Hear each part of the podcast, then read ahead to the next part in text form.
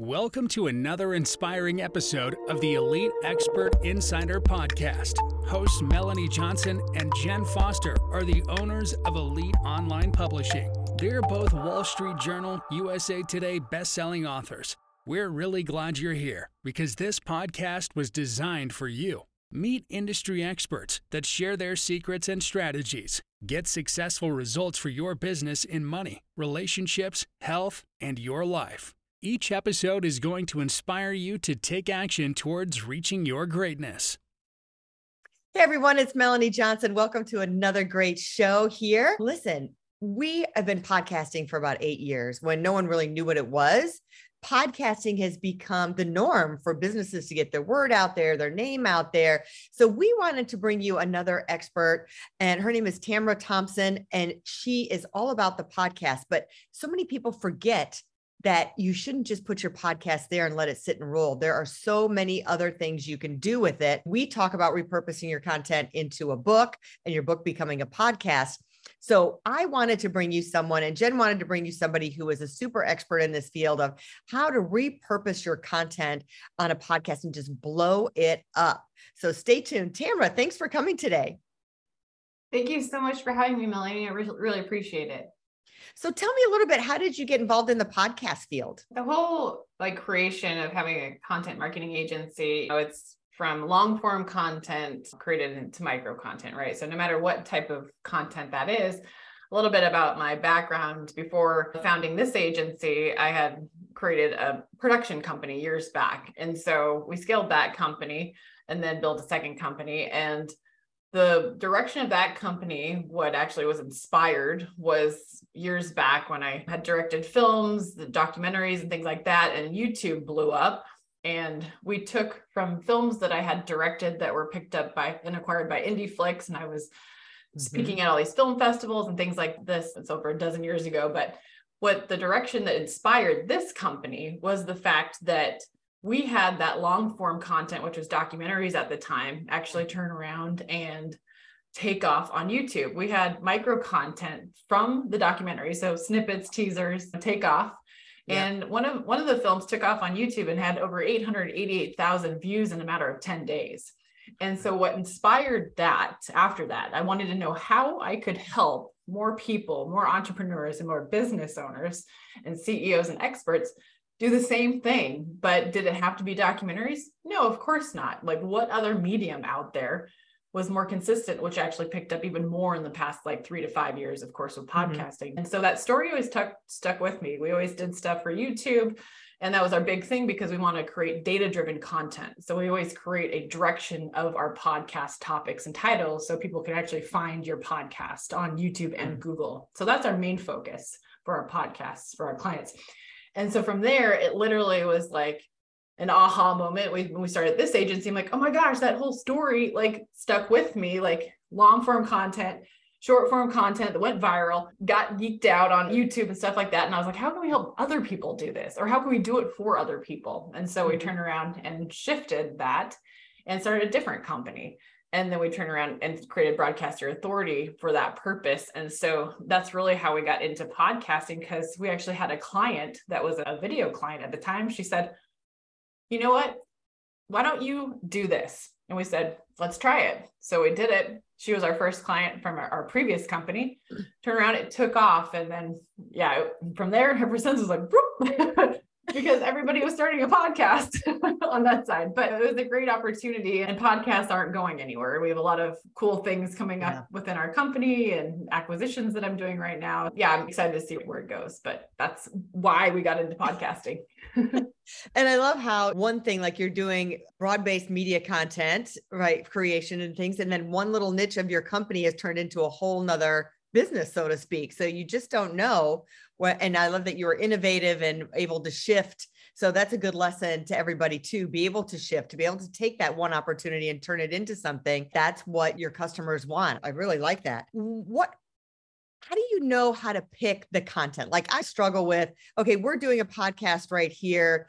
How do we pick the clips and be strategic of the content to go out there? It just seems daunting to someone who's an entrepreneur. I'm sure you, they can find someone to do it, but not everyone is good at it. What should they be telling them? What should they look for? Should you have a plan ahead of time before you create the podcast so you have that in mind of, hey, these are going to turn into 20 TikTok videos and three Instagram reels?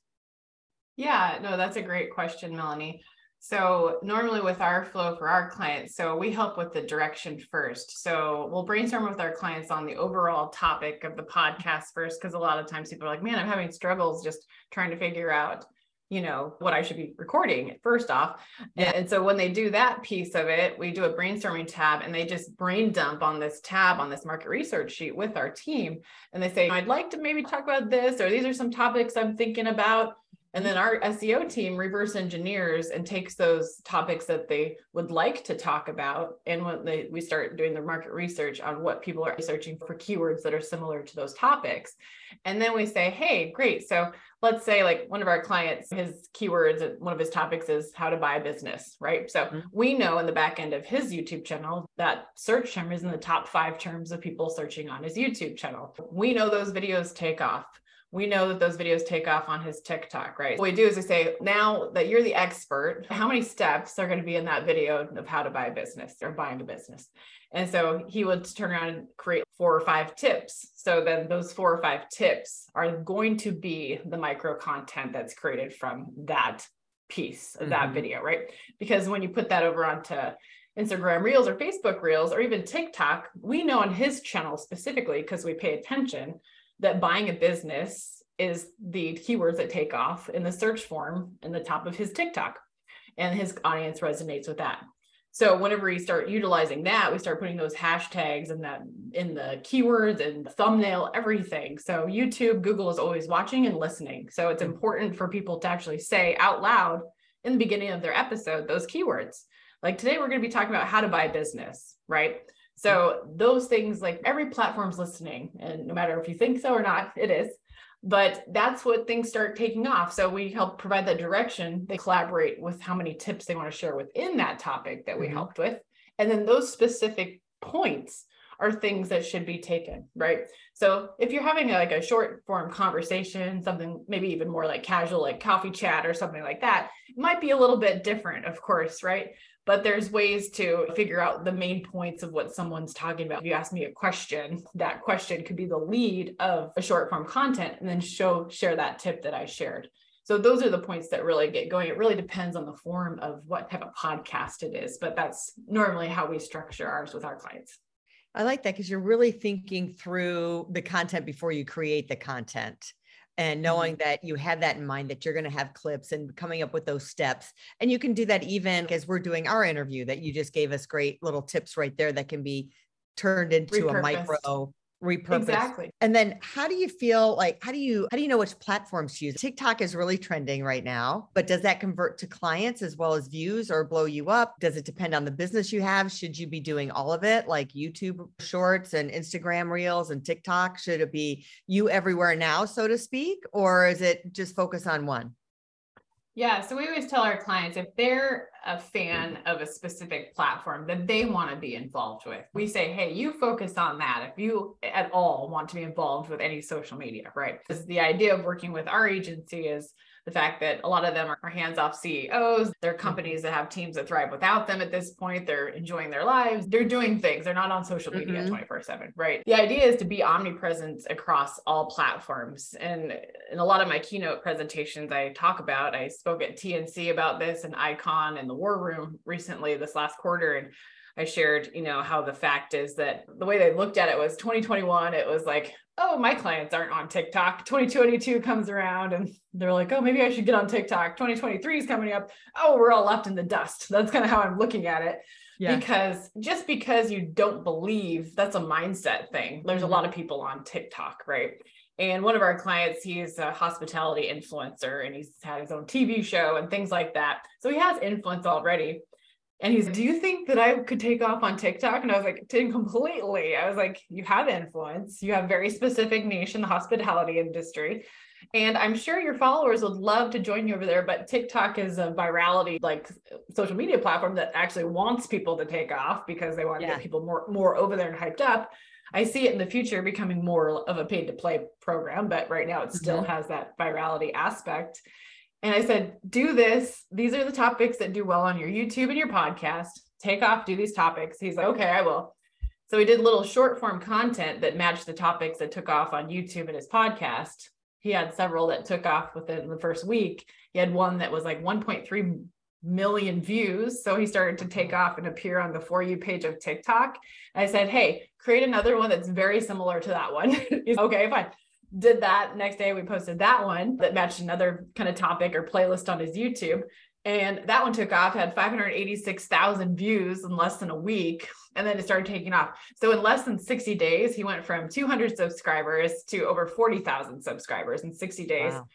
And then he turned around after that, and then he turned around and had people reaching out for speaking gigs and opportunities. And these were people that were like executives and people that had budgets for higher end engagement because he's a high end speaker. So Yeah. makes the big bucks, right? On, the, on that side. So he ended up generating over six figures just from that in that 60 days. So but he was like, "Oh, I didn't realize people were watching me." You know, but yeah, people are watching you. You got marketing directors from big corporations watching. Like, there's a lot of people on Mhm. there that are looking for business related content. So, same thing has happened for several of our other clients too. Just like, whoop, Think about cool. that, that it's free. Really, they're creating the content costs them nothing. And just to upload it, it really doesn't cost anything, but it is knowing that back end, picking those keywords, picking those topics that are trending, finding something. We have gone on TikTok, but it's like kind of a struggle because publishing, not many people are searching for.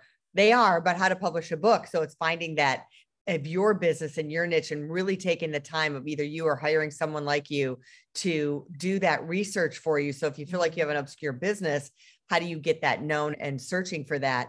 How often do you think you should be posting something on these platforms? Yeah. So wh- when our what we always suggest at least Monday through Friday, at least once a day, and we always suggest to our clients post something fun on the weekends. Post something that relates to if you want to something yourself that's relatable as well. But depending on what the types of people that work with us in certain packages, we'll suggest, hey, this upper package, we're over there working and they're posting like two, three TikTok reels a day because it's really a consistency factor, a frequency factor, Yeah. and a paying attention to detail factor of what's actually taking off, what's trending. And it is a lot of work to just even do the research to see how trends change really fast. But certain keywords are and hashtags are consistent for a good 30 days anyway. So it's good to just see what's taking off on those specific accounts.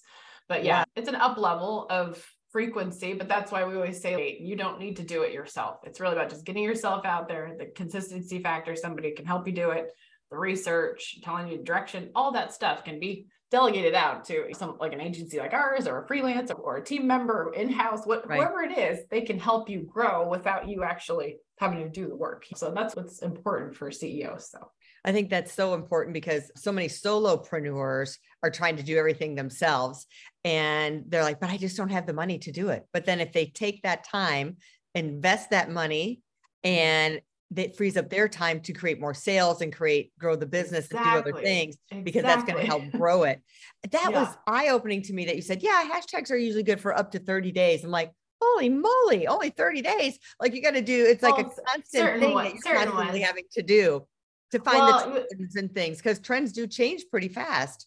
They do, yeah, and uh, yeah. To be more specific on that, it's more like hashtags on like specific trends, especially that are going on. So there'll be specific hashtags that work consistently over time, like TikTok marketing, TikTok hospitality, but things like that. So some of those will be continuous, but it really is if you're trying to jump on the trend wagon, right? Yeah. We share some tips with our clients where we can leverage trending music and not have it be the trending music. You can bring it down so low that you populate in trends. And we share that tip that all of a sudden you're out in the trending trending world and you're not dancing to a like a beat or something you're not like doing something silly or whatnot but you start to actually populate in the trends because you're using the trending music so there's different ch- ticks trips tricks and tips to do stuff like that so people are like oh wow we'll use what was it Meghan Trainor's song that was trending on tiktok our Yeah. we had some relationship coaches that we worked with and their TikToks just went whoop because we used utilized her music all week long because it was trending. And they might not be their ideal clientele, but they started to get more views that pushed them to be viewed on the For You page. So there's just little things to pay attention to. Like, what's that trending song? What's that trending yeah. theme? Use those yeah, hashtags and stuff like that in that current week. So it's just about yeah, and I would attention. say like you know trying to sell a like a product or a service like a product you can demonstrate and have the music behind it but when you're mm-hmm. trying to do something that's speaking to give a message then maybe it's a little harder to use the music and I had the algorithms explained to me yesterday for TikTok it's what happens is TikTok will send your video out to 100 people. Mm-hmm. They respond well and are liking and viewing it. Then they'll go, oh, okay, people. we like this. Then, yeah, then we're going to send it out to another, we'll send it out to 200 people and see how that happens. Um, so just getting that algorithm going. And then that's how it spikes. They just keep sending it out to a broader and broader audience. Mm-hmm. They like what's going on. Exactly. Yeah. And you can bring the music down to zero so it doesn't even appear at all, but it doesn't necessarily mean that it's going to take off on that. But you're totally correct. That's why you see an average of people that have 60 to 100 views and then the next jumps is between 300 and 400 views like the, that they're going yeah. through that step process. Next is like a thousand to 2000 views. So you're like oh why did that one take off? And then all of a sudden it's like 25,000 views 100,000 views. Then they just like then they just keep going. It's fun to watch. What other ways do you have that you like to repurpose content from a podcast or other tricks and marketing tips that you have for people? Yeah. So our team repurposes our the content into like profound quotes or statements from the guest or the host. So it's both. So leverage them both as the authority on the show because then they'll both want to share it out, not just the host, but also the guest. Right. And so they're creating micro content from quote graphics and imagery as well. And then there's also LinkedIn articles. You can take the transcript and you can create a LinkedIn article. We do that for our clients as well. So we're going in there and posting that and recommending to start newsletters. You can repurpose that same article and you can create it into a newsletter and send out an email campaign that has the juicy bullet points of what to expect in your episode. There's uh, the list can go on, but those are the few that we we do specifically for our clients. But yeah, you can do a lot. So and of course, YouTube video. If you are not leveraging your podcast on YouTube, you're missing out because it's the biggest search engine out there. Yeah. So that's our main focus is YouTube first, then audio podcast, then social media content on that side. So because you have the opportunity, especially if you have had a podcast for a while. But yeah, YouTube shorts, all the other stuff we're talking about, micro content videos, YouTube community posting, post graphics in the YouTube community section. Most people don't use YouTube community section. It's just like Facebook or LinkedIn. it's just yeah. Tell me more about YouTube community section. I've never heard of that. Yeah. So if you go on your tabs and you go into your YouTube profile, be like videos, mm-hmm. playlists, community. So the community uh-huh. button, it actually you can go in and share out videos directly. The URLs will populate that you have. You can post polls and you can post graphics and images. And what we've seen actually this year is that graphics do better on the shares, which is very interesting. So they're trying to compete there with Facebook and Instagram on the image, basically share piece. So yeah, it's a big place that people are not utilizing on that side. So it's open to everybody now. So it used to be a 500 subscriber minimum for years, and they opened that community up this year. So it's a great opportunity for sure. So imagine if you're using that and YouTube's going to reward you for that. Because if they're trying to promote it and you're putting things there, then they're going to drive and, more traffic to your channel. And you can schedule it out. so oh. there's a scheduler button right on the community post. so you can do the whole thing and you're like, I'm done for the oh whole oh, week or the That's whole month. Awesome. Yeah. Yeah. I love it. That's a super insider tip there. I love that. Yeah. And then what about LinkedIn? I used to feel such a great resource. And now I just feel like it's a bunch of spam in there. Is there still opportunities in LinkedIn?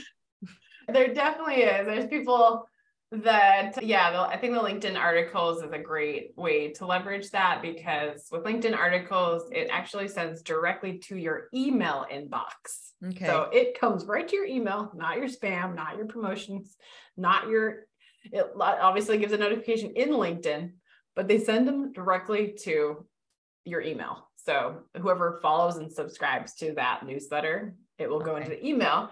So it's going into somebody's box where they actually read stuff versus going into your email or your LinkedIn messengers. And everyone's like, Hi, Tamara. I, I know I can help you. I'm like, Oh, really? what, what can you help me with today? They're like, Do you know? Do you have a podcast? Yeah. did you read my? I'm like, Did you read my profile? No, just It writes in LinkedIn and has not glanced at your profile. I'm Yeah. like, I'm like block. Yeah.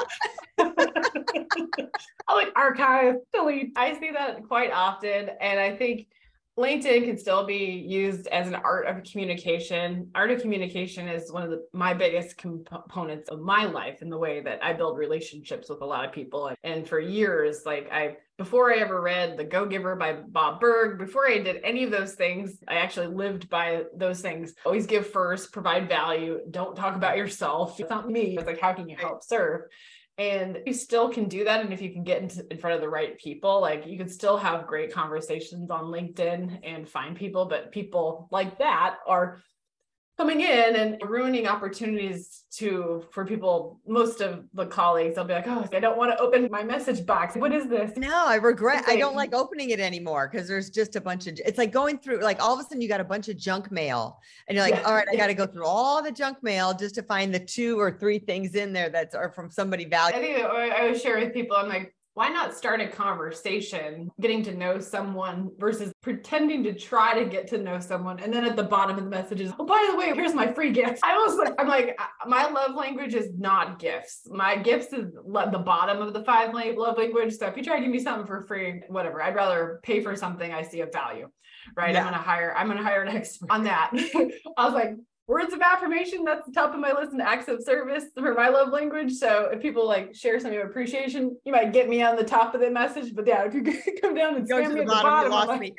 You lost me But it's just paying attention to the messages i had a job ad that we just hired two gals this week that actually just started this week as two assistant producers and the only reason that I interviewed them was because they read to the bottom of they also were qualified had skills. But Right. one of the reasons one of the reasons I hired them was the fact that they read to the bottom of the job ad. I like literally at the very bottom all my job ads. I would say, and if you're still reading this, I would like to know this and to be even considered to have an interview. and so, yeah, I was grateful because I found two really great gals and they're like just awesome already.